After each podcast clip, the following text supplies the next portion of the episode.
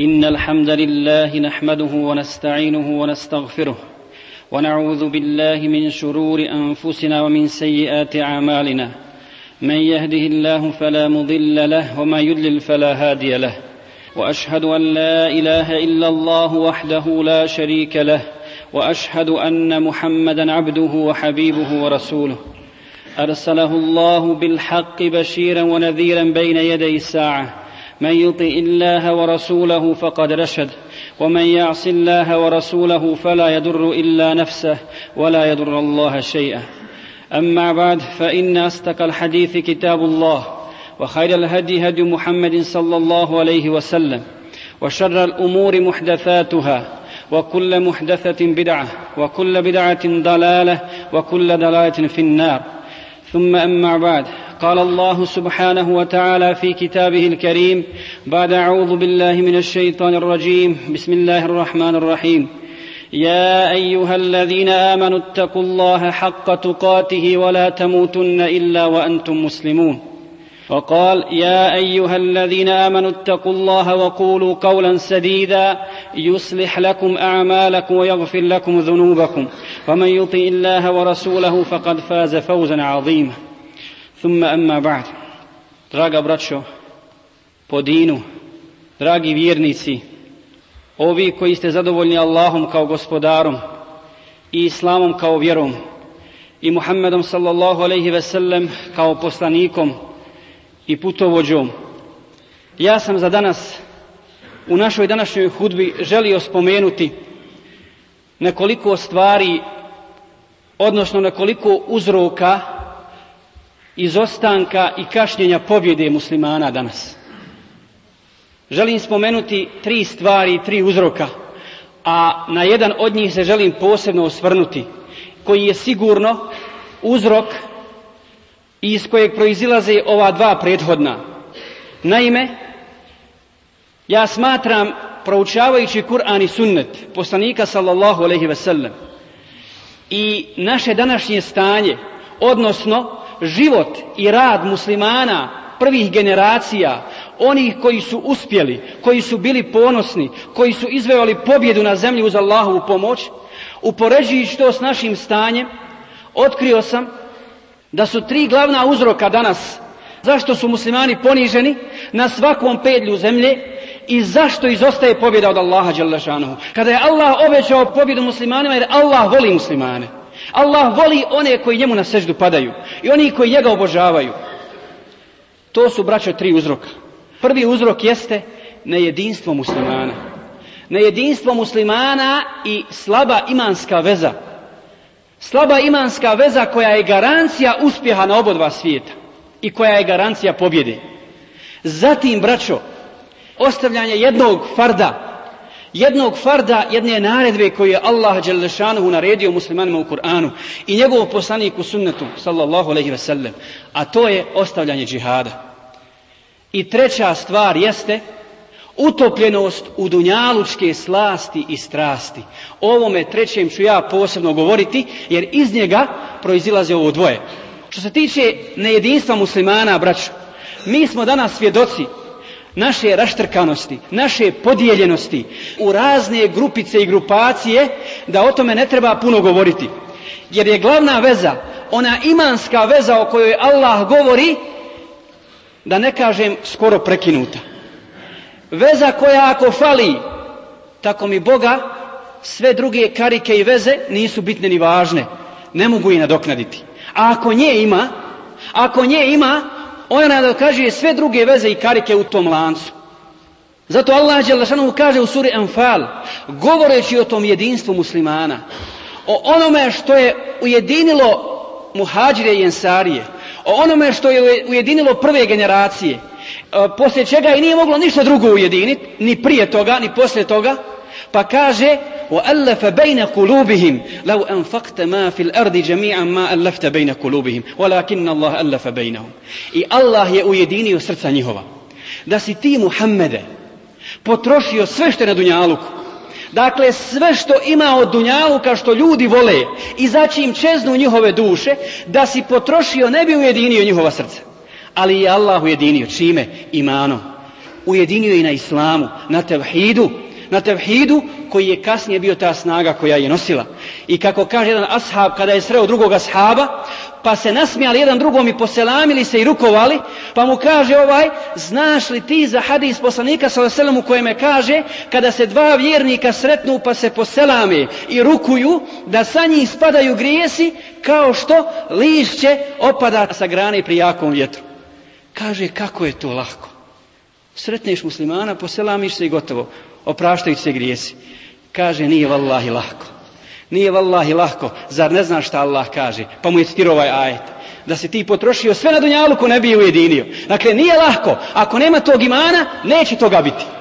A pogledajte koliko danas ima muslimana koji će proći jedan pored drugog, neće im poselamiti. Jer samo iman je taj koji povezuje i to je stvarna istinska veza. Sve ostale veze su lažne. Sve ostale veze su vezane za interes dunjalučki, ali je iman veza od koje čovjek mat korist na dunjaluku, na ahiretu. Jer bratstvo, braćo, bratstvo u ime Allaha je poklon i dar od Allaha Đelešanu. Poklon i dar od Allaha Đelešanu. I to je duhovna snaga, to je duhovna snaga koja povezuje muslimane. I kada se kod muslimana nađu iman, bez obzira što je vjernik, što je povjerovao Allaha Đelešanu, iman i bogobojaznost, a fali bratstvo, fali bratstvo ima Allaha, znajte da je taj iman krnjav. Znajte da je taj iman krnjav. I pogledajte što znači istinsko bratstvo. Kada ja se osjećam sa svojim bratom, jer to bratstvo povećava ljubav među nama, solidarnost, međusobno pomaganje, saosjećanje i tako dalje. Evo samo dva primjera. Iz generacija shaba i iz našeg vremena. Ovaj primjer drugi, mi smo svojim očima gledali, bili smo svjedoci toga. Ovaj prvi nismo, ali znamo za njega preko Sirije poslanika sa Kada je jedna muslimanka otišla na pijacu da kupi nešto kod židova, pokrivena potpuno, jedan židov je želio da joj skine nikab, da joj se otkrije lice, dok je ona kupovala zaboje, štap ili neki drugi predmet u njen džilbab, u njenu haljinu, pa kada krene da joj se otkrije. I uspio je tu. Otkrio je samo lice, nije obeščastio. I kada je ona vrisnula zbog toga, što je ovaj uradio tako podlo djelo, musliman jedan je bio tu blizu i čuo je njen vapaj i prišao je i ubio ovog židova. Ubio je židova. Te dakle, nije silovo, nije ništa radio, nego je samo otkrio lice. Jer je to želio, to su spletkaroši, židovi, koji rade protiv Allahove vjere. I on je bio ubijen. A ako ste pratili na televiziji sličan slučaj kada židov u Palestini prilazi muslimanki pod nikabom i skidaju i nikab i udara je kundakom u glavu od čega je odmah oslijepila. Niko nije prišao. Niko nije prišao da pomogne.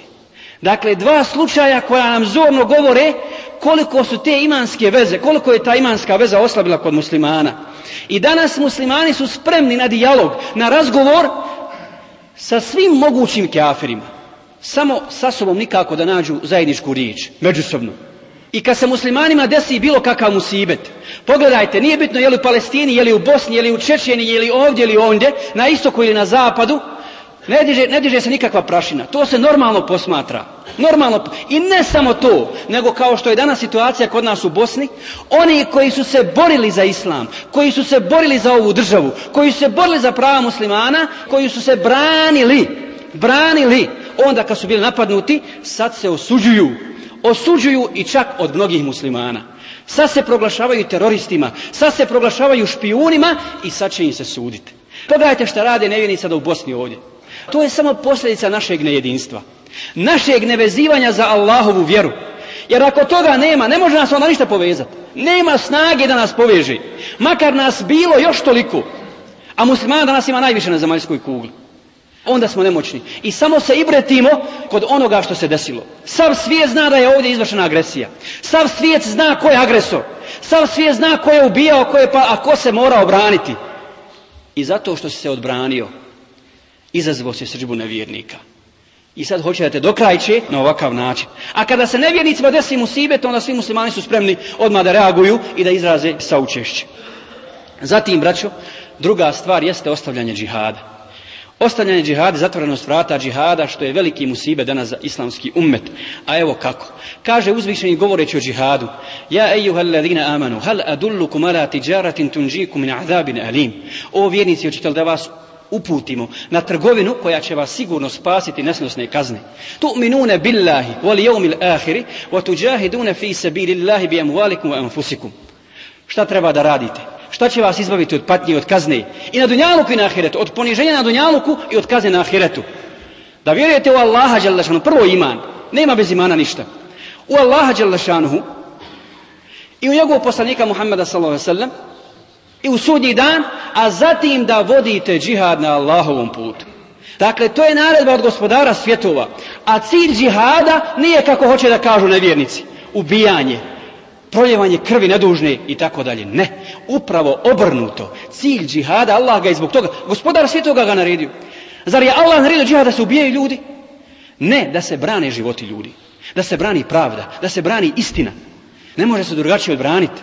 To je Allahov zakon na zemlji ako nećeš ti voditi džihad da bi branio pravdu, svoju slobodu, svoja prava i tako dalje i drugih ljudi također i uspostavio islamsku državu na Dunjaluku i da Kur'an vlada na zemlji, onda će nevjernici i zlikovci prolijevati krv nemilici i činiti ono što danas čini. Kada je poslanik sallallahu alaihi ve sallam upozoravajući umet na tu, U jednom hadisu kojega bilježi Ahmed Abdullah ibn Omera, Iza te bajatum 'ayn wa raditum bi zara, wa jahadatum aznab al Bakar, kada vi budete trgovali s kamatom, odnosno poslovali s kamatom, koja je danas uzela velikog maha čak među muslimanima, i kada budete zadovoljni sa vašom poljoprivredom, i kada se uhvatite za kravlje repove, وَتَرَكْتُمُ džihade i ostavite džihad, سَلَّتَ اللَّهُ عَلَيْكُمْ ذُلًّا لَا يَنْزِوهُ أَنْكُمْ Allah će spustiti na vas poniženje i neće se podići to poniženje s vas dok se potpuno ne vratite vašoj vjeri. I braćo, vi vidite danas i svi smo svjedoci da međunarodna zajednica i sve institucije međunarodne zajednice rade najviše na jednoj stvari, a to je da spriječi džihad. Ja ovdje ne govorim o pojedinačnim akcijama nekih ljudi, pojedinaca, ne, nego o organizovanom džihadu kojega treba da povede ko? Danas, kada nemamo halifi, kada nemamo islamske države, treba da, treba da ga povede u ime Allaha, islamska ulema. Islamska ulema. Ne pojedinci koji će možda napraviti veći haos nego, nego i koji možda ne razumiju islamske propise. Dakle, islamska ulema je zadužena danas za to. Dakle, sve institucije rade na, najviše na jednome, da udalje ovaj propis sa pozornice života. A onda, kad se nešto desi, kad naprave zlo, onda hoće kongrese i tako dalje. Znajmo da njihovi kongresi, koje nevjernici organizuju zbog muslimana, navodno da bi donijeli mir i da bi poboljšao njihovo stanje, neće nikad pomoći muslimanima, samo će donijeti zlo. Jer kufr nikad nije pomagao din Kuf i kafri nikad nisu pomagali islam. A židovski premijer bivši koji je živio u vrijeme Sadata u Egiptu, vjerovatno se ovi naši stariji sjećaju njihovih pregovora kao i danas. Menahem Begin jedan put je rekao naš zadatak je i moramo uložiti sva sredstva na tome da to spriječimo, jeste udaljiti džihad od muslimana. Udaljiti džihad sa pozornice života, da njega nema. A eto im ostalo sve. Sve ćemo im drugo dozvoliti, samo je bitno da se oni ne dignu, da brane svoja prava onako kako treba da se brani, kako je to radio poslanik sallallahu alaihi ve sellem. I da su danas otvorena vrata džihada u Palestini. Šta mislite? Da islamski vladari sjednu da se dogovore i da se otvore ta vrata vallahi i muško i žensko bi krenulo u Palestinu. I muško i žensko bi krenulo u Palestinu da očisti svetu zemlju od pogani koja se zove židovi. Zato, braćo, nevjernici ne vole omladinu. Muslimansku omladinu koja se budi, alhamdulillah, sve više i više. Ne vole sahvu i ovo buđenje muslimana i žele to da ugase i da zatru u korijenu. I zato, braćo, kasni pobjeda. Kada muslimani ne znaju svoju vjeru, ne znaju akidu, kako će Allah spustiti pobjedu?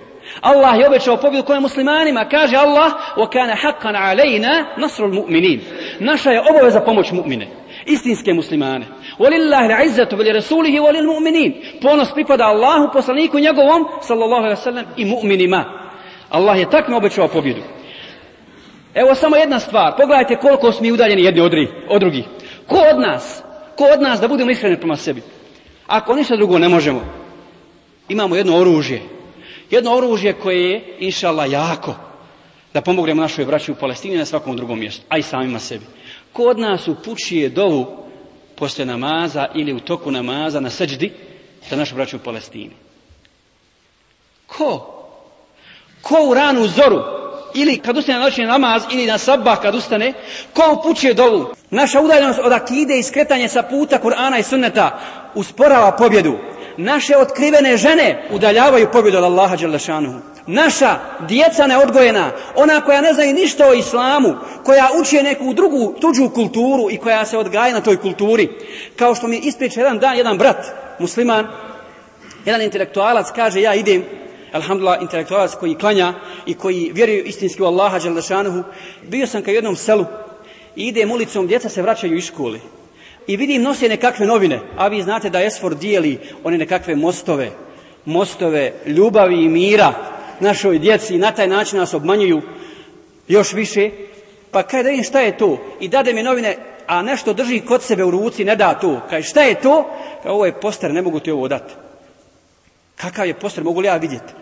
na posteru košarkaš iz nekog kluba američkog i onda mi ovo dijete nabroja kompletan sastav tog kluba američkog. Pa ga ja pitam, a znaš li ti dijete, dijete je treći razred, muško dijete, dijete znaš li ti ko je bio Omer ibn Hattab? E, ne znam. Ko je, u kojem je on klubu igru? Kaže, je li igrao za znači, Chicago Bulls? E, nije, nije. Igrao je za jednu ekipu koja je sve povjeđivala. Kaj je stvarno, ja prvi put čujem za, to, prvi put čujem za tog igrača. Kažem onda ovaj intelektualac, nek ti se Allah smili, nisi ti kriv. Nisi ti kriv. Dakle, što ne znaš ko je Omer ibn a znaš nabrojat sve igrače i to američkih ekipa, to su krivi tvoji roditelji i određene institucije koji treba da se brinu o odgoju naše djeci. A kada je u pitanju, braćo, utopljenost u Dunjaluk, i njegove slasti i strasti i prednost dunjaluku koju smo dali odnosu na ahiret, ja ću danas spomenuti dva kuranska ajeta koji govore šta znači dunjaluk, da bi izvukli svi zajednički pouku. Dva kuranska ajeta kaže, jer Kur'an je naš izvor. Eh, kad bi se muslimani vratili istinski Kur'anu, pa ga sprovodili u svom životu, pa kad god imaju koji problem traži rješenje u Kur'anu, sigurno bi im bilo situacija puno, puno bolja. Jer Allah nije objavio, braćo, Kur'an da se sa njim ukrašavaju zidovi džamija, niti, niti kuća, niti je objavio Kur'an da se uči mrtvima. Jer kako učiti mrtvom čovjeku kad čovjek dođe do ajeta u kojem Allah kaže Ja ejuhalladina amanu takullaha vadaru ma minar riba. O vjernici, bojte se Allaha i od viška kamate odustanite. Šta se odnosi kamata na mrtvog čovjeka? Kome se Allah obraća u ovome ajetu? Dakle, Kur'an nije zbog toga objavljen, nije zbog toga objavljen, već je objavljen da odgoji ummet, da se uspostavi islamska država, da se odgoje muslimani na, islam, na principima islamskog ahlaka, da muslimani na taj način steknu ponos i tako dalje. I Allah navodi primjer Dunjaluka u suri Kehf pa kaže Euzu billahi mine šeitanir rajim, bismillahirrahmanirrahim وَضْرِبْ لَهُمْ مَثَلَ الْحَيَاةِ الدُّنْيَا كَمَاءٍ أَنْزَلْنَاهُ مِنَ السَّمَاءِ فَاخْتَلَطَ بِهِ نَبَاتُ الْأَرْضِ فَأَصْبَحَ هَشِيمًا تَذْرُوهُ الرِّيَاحُ Wa kana عَلَى la kulli مُقْتَدِرًا Navedi Navedim kao primjer da je život na ovom svijetu kao bilje koje i poslije natapanja vodom koju mi s neba spuštamo ipak postane suho i vjetrovi ga raznesu. To je primjer dunjaluškog života. Allah kaže navedi Muhammede sallallahu alejhi ve sellem. Primjer ovog dunjaluškog života da je on poput bilja koje je ozeleni kao što je sad ozelenilo u proljeće na koje mi spustimo kišu i zadive se ljudi time. Ali opet nakon izvjesnog vremena ono se osuši i vjetrovi ga raznesu. A koliko ima ljudi? Allah navodi očit primjer da pametni izvuku pouku, da znaju da nisu vječni na Dunjaluku, da će se sresti sa svojim gospodarom i odgovarati za ono što rad na Dunjaluku i za sve blagodat koje im je Allah podario. Koliko ima ljudi koji žive samo radi Dunjaluka. Umaraju se, sve svoje potencijale i umne i fizičke sposobnosti koriste i troše samo radi Dunjaluka. Pogledajte čovjeka radnika. Probudi se, zaspe na večer, probudi se izutra, ode na posao. Vrati se s posla, jede, mrak zaspe, opet izutra ode. Bez namaza, bez abdesta, bez zahvale Allahu Đelešanu i tako dalje. Koliko je muslimana koji dolaze u džamiju samo petko, a zovu se muslimani. Koliko onih koji ne dođu osim samo jednom da, u džamiju. I to ne da klanjaju, nego da se njima klanja dženaza. Kakav je to život? Kakav je to život? Dakle, Dunjaluk je postao glavni cilj kod ljudi. Zbog njega se umara traži se položaj, traži se ugled, traži se bogatstvo i tako dalje. I pogledajte kako ljudi ne razmišljaju u Dunjaluku. Pogledajte kako čovjek iznenada umre. Svaki dan ispraćamo dženaze. Čovjek umre, ostavi iza sebe sve. Svoje bogatstvo, on ode, ne vraća se više do sudnjega dana. Kome ostaje njegovo bogatstvo? njegovim nasljednicima. A on će biti pitan za to. Dok njegovi nasljednici budu razgrabili njegov dunjalu koji je ostao iza njega, on će biti pitan zbog toga. I kad ga Allah upita, zašto nisi klanjao?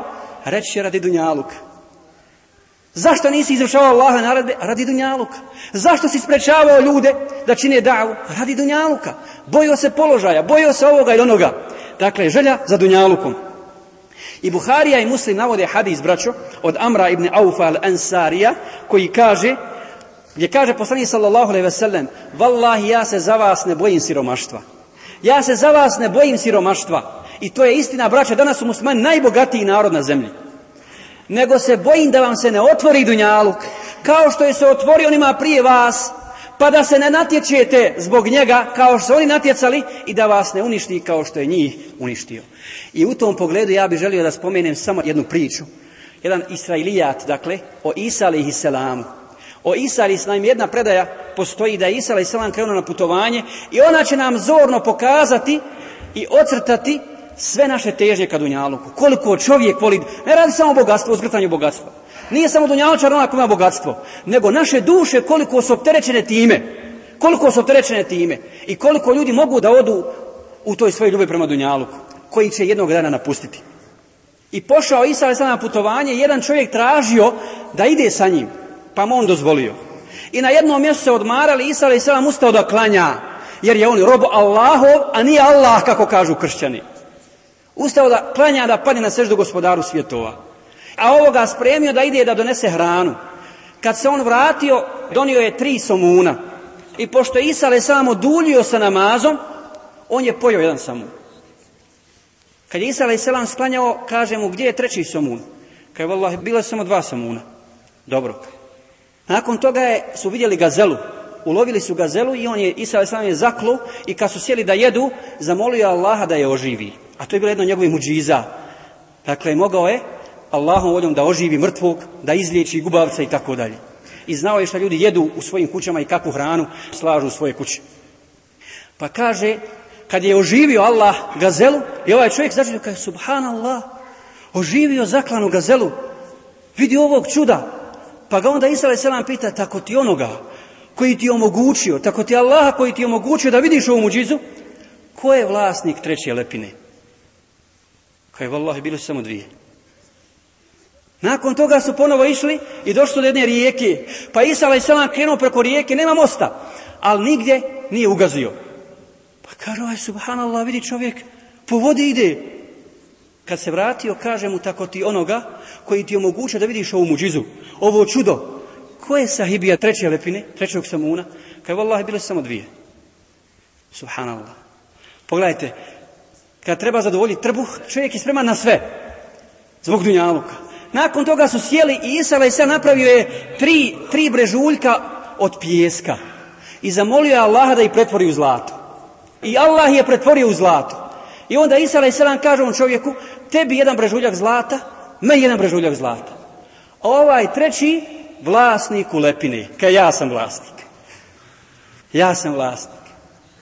Dakle, pogledajte, sve dotle, zlato, Zlato, dok nije vidio zlato, nije htio da, da prizna da je on pojeo taj, taj Onda je Selan kad je vidio o kakvom se čovjeku radi, kaže, dobro, tebi sve tri gomile zlata.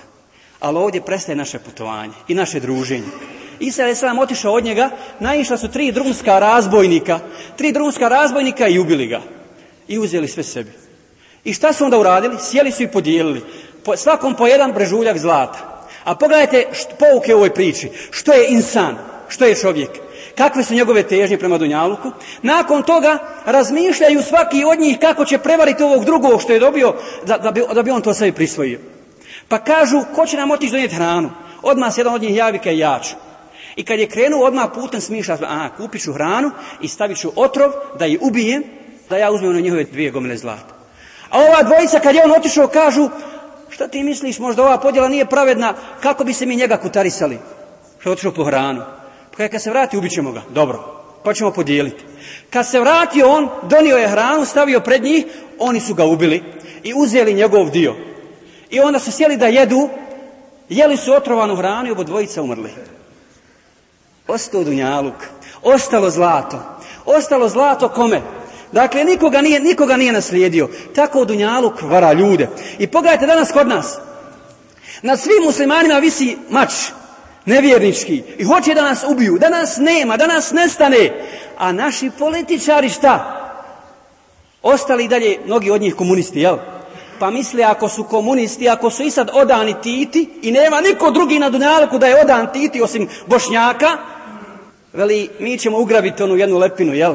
ili možda će nama ostati ona jedna gomilica zlata, neće nas, neće nas, a hoće vallahi. Hoće vallahi, vidite da su ti ljudi zaboravili već šta je juče bilo. Zaboravili već šta je juče bilo. I koliko je čovjek spreman da laži, da bude nepravedan, da se toliko spusti nisko da bude čak što kaže Allah gori od životinje radi dunjaluka. I čak ne uzubila spreman je da vjeru, da s vjerom trguje radi toga dunjaluka. Kako kaže poslanik sallallahu alaihi ve sellem, kada bi sinu Ademovom dao dolinu zlata, on bi poželio drugu. Kada bi imao dvije, onda bi poželio treću. I sina Ademovog ne može ništa zadovoljiti, njegova usta napuniti, osim zemlje. Kad umre, onda je sa njim gotovo. Zato Allah mu kaže u nastavku ovoga ajeta El malu wal banuna zinatul dunija Djeca, imetak i sinovi su ukras na ovome svijetu. Wal baqijatu salihatu hajrun inda rabbike thawaban wa hajrun amela. A dobra djela koja vječno ostaje, Allah bolje nagrađuje onoga u što se čovjek može pouzati. Dakle, takav je braćo Dunjaluk.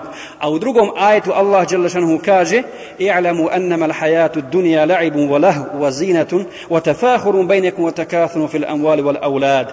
Znajte da je život na ovome svijetu nije ništa drugo do igra i zabava. Pogledajte braćo. Da kaže Allah, igra i zabava je Dunjaluk. I vallahi je tako. Vallahi je tako. Igra i zabava. Pogledajte u što ljudi potroše svoj život. Koji žive 40, 50, 60 godina. Pitaj ga u što je najviše svoj život potrošio. Vidjet ćete da je posebno danas naše generacije u igri i zabavi, u hvalisanju i metkom, sinovima i u natjecanju ko će više izgrnuti toga Dunjaluka. Došli su dječaci Salamu s u jednoj predaji, dok je bio mali također, ali ga Allah odlikovao mudrošću i znanjem, budućeg poslanika, pa mu kažu, hajdemo, kaj kuda, da se igramo. Šta im je on rekao? Wallahi mali laibi hulikna. Wallahi nismo zbog igre stvoreni. Nismo zbog igre stvoreni i to je istina, braćo. Nismo stvoreni zbog igre. Nismo stvoreni zbog igranih filmova, zbog serija, zbog arena koje su nam pripremili nevjernici pripremaju, zbog sportskih igrališta, zbog kinosala, posebno ti mu'mine ti muslimanu nisi stvoren zbog toga. Ti si stvoren zbog višeg cilja. Ti si stvoren zbog višeg cilja. Ti imaš poseban zadatak s kojim te Allah zadužio, ako ga izvršiš, blago tebi. Blago tebi. Ne kažem, braćo, ne želim ovim reći da je grijeh raditi. Naprotiv, da je grijeh imati bogatstvo, da je grijeh imati novac, da je grijeh imati dunjaluk. Ne, ne. To nam je dužnost, to nam je obaveza. Trebamo raditi, trebamo raditi. Međutim, kad to sve budeš imao i kad budeš radio i kad se budeš umarao, upitaj svoje srce zbog čega je tu. A radi čega je tu? Je to radi hizmeta vjeri? Je to radi pomaganja Islama? Je to radi ahireta? Ako bude odgovor jeste, blago tebi. Znaj onda da je Allah tebi sve počinio. I nebesa koja vidiš, i oblake, i kišu koju spušta Allah, sve je tebi počinio da se ti koristiš, da olakšaš sebi svoj život. Dakle, ako je radi toga, ako je radi Allaha Đelešanuhu, onda je alhamdulillah, onda je alhamdulillah. Zato sam želio da upozorim na ove stvari i ovo su zaista velike kočnice u izostanku pobjede od strane Allaha Đelešanu, a Allah nikome nepravdu ni nasilje ne čini. I Allah će sigurno dati pobjedu onim muslimanima koji stanu čvrsto, koji se ujedine, koji budu jedan saf, koji se okupe oko Kur'ana i sunneta, koji se budu istinski voljeli ima Allaha Đalašanuhu koji nijedan propis Allahov ne propuse da ga ne izvrše i koji će ostaviti sve Allahove zabrane, tada će Allah spustiti bereket i daće im svoju milost i pobjedu nad nevjernicima. Zato molim Allaha Đalešanuhu da nas okupi oko Kur'ana i sunneta, da nas ujedini oko Kur'ana i sunneta, da ubrza pobjedu Islama, da pomogne našoj braći u Palestini i Čečeni i na svakom drugom mjestu.